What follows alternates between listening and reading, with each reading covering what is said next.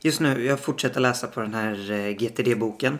Och eh, kommer nog göra det ett tag. Så det kommer bli en del avsnitt om eh, saker som jag plockar därifrån. Och idag så ska jag prata om en grej som ligger mig väldigt nära, nära om hjärtat. Varmt om hjärtat tror jag man säger. Frågor.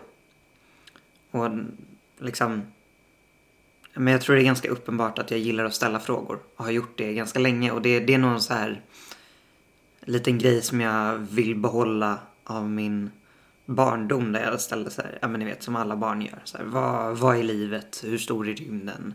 Jada jada. Och så har jag bara fortsatt med det. Eh, och det är någonting som jag mm, tycker det är kul och jag värderar väldigt mycket i mig själv. Så då i den här boken så plockar Dave Allen, som författaren heter, fram eh, frågan varför. Eller alltså så här, bara ordet.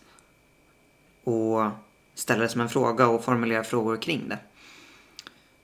Och han säger att det finns sex olika saker som, som är fördelaktigt med att fråga eh, frågor på varför. Det är definierar vinst, eller alltså en eh, lyckad utkomst. Och det skapas eftersom att vi när vi frågar oss varför så föreställer vi oss också vad, eh, vad någonting ska bli. Alltså om du håller på med ett projekt så frågar du dig själv varför du gör det här.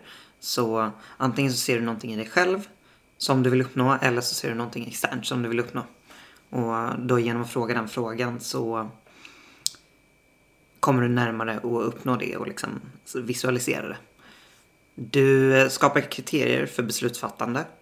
Vilket blir ganska naturligt eftersom att om du ser det här som du vill uppnå framför dig så um, märker du också att det blir lättare att ta besluten för att komma dit.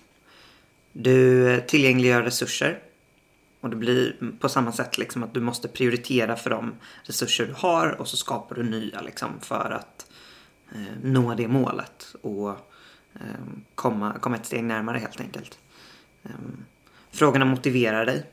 Det är ganska naturligt. Alltså om du, om du själv har jobbat med någonting och sen frågat dig varför, sett målet framför dig och börjat jobba ditåt så känner du också att det går snabbare och snabbare. Och det, ja, men det, det blir liksom ett resultat utav, utav eh, frågan då helt enkelt. Um, det klargör fokus. Vilket också är för mig ganska naturligt att om jag funderar på varför gör jag det här? Då blir det också så här, just det, det är därför och så fokuserar jag på att göra det så att jag blir klar med det. Eller så att jag liksom uppnår det jag vill uppnå. Eh, och så skapar det valmöjligheter. Och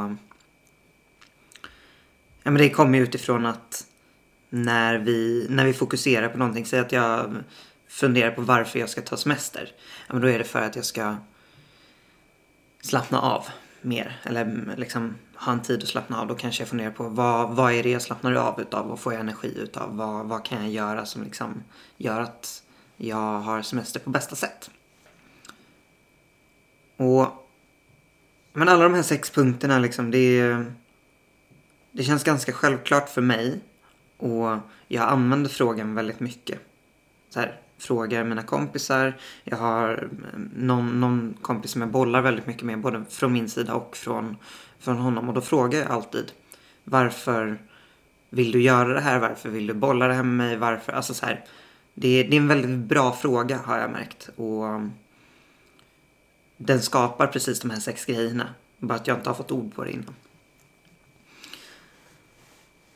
Man kan använda den här frågan på flera olika sätt. Jag, jag har läst om folk som liksom innan de gör varje uppgift funderar, sätter sig och tar du vet en minut och funderar på varför de ska göra det här eller eh, så. För att just fokusera på den här grejen och förstå varför. Jag, jag, tycker det känns ganska ineffektivt och jag tycker inte alls om, jag har försökt med det, jag tycker inte om det. Däremot så funderar jag i de här sprintarna som jag pratat om innan. När jag planerar två veckor framåt. Där brukar jag sitta och fundera på varför vill jag göra det här projektet? Varför vill jag komma ett steg närmre? Um, och sen sätter jag upp mål därefter. Vilket gör att jag fokuserar på ett projekt i taget och jag går igenom dem. Um, och det har funkat för mig. Så där får man liksom fundera lite på vad som funkar för dig och, och det kanske inte funkar för ditt team som du jobbar i eller så. Då, då får man kompromissa. Men jag tror att det är oavsett hur man gör det så är det viktigt att fråga sig just varför gör vi det här? Varför sitter vi här idag? Varför går vi in i det här mötet? Varför um, ja men så. Varför går jag upp på morgonen? Du vet, det går att ta upp på, på alla olika nivåer. Så det är, den frågan jag vill avsluta med idag är varför gör du det du gör?